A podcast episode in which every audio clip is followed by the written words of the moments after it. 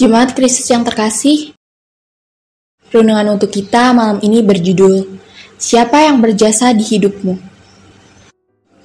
Dan bacaan kita diambil dari bacaan Yesaya 12. Beginilah firman Tuhan. Pada waktu itu engkau akan berkata, Aku mau bersyukur kepadamu ya Tuhan, karena sungguh pun engkau telah murka terhadap aku tetapi murkamu telah surut dan engkau menghibur aku. Sungguh Allah itu keselamatanku, aku percaya dengan tidak gemetar. Sebab Tuhan Allah itu kekuatanku dan masmurku. Ia telah menjadi keselamatanku.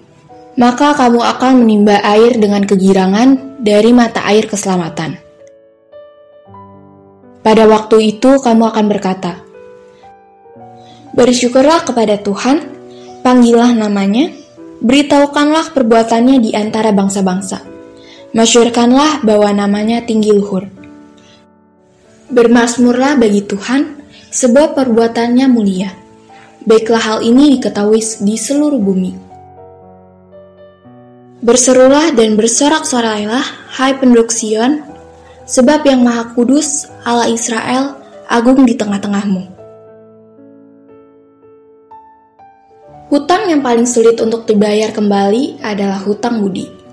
Sepertinya hanya segelintir orang yang mampu untuk membayarnya kembali kepada orang yang memberi. Hutang budi sulit dibayar karena tidak ada ukuran pasti di dalamnya.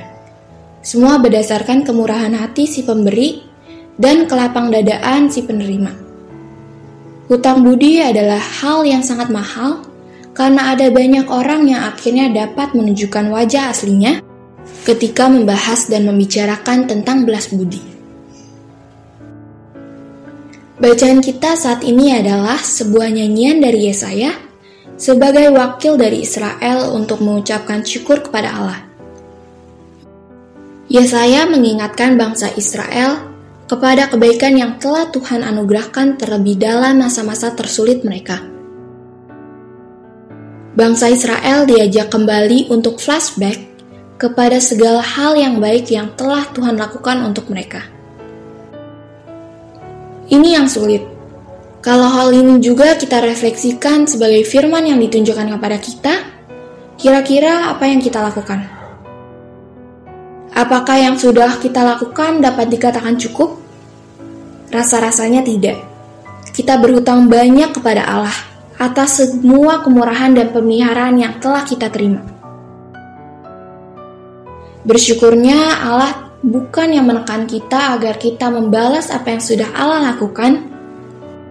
Justru Allah menghendaki kita hidup sesuai dengan apa yang telah kita terima dari Allah. Hal ini juga menjadi wujud kasih Allah. Ini hendaknya kita respon melalui hidup yang benar.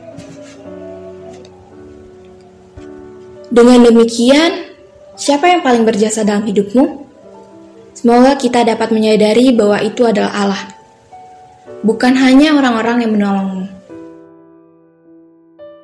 Demikianlah renungan malam ini. Semoga damai sejahtera dari Tuhan Yesus Kristus tetap memenuhi hati dan pikiran kita. Amin.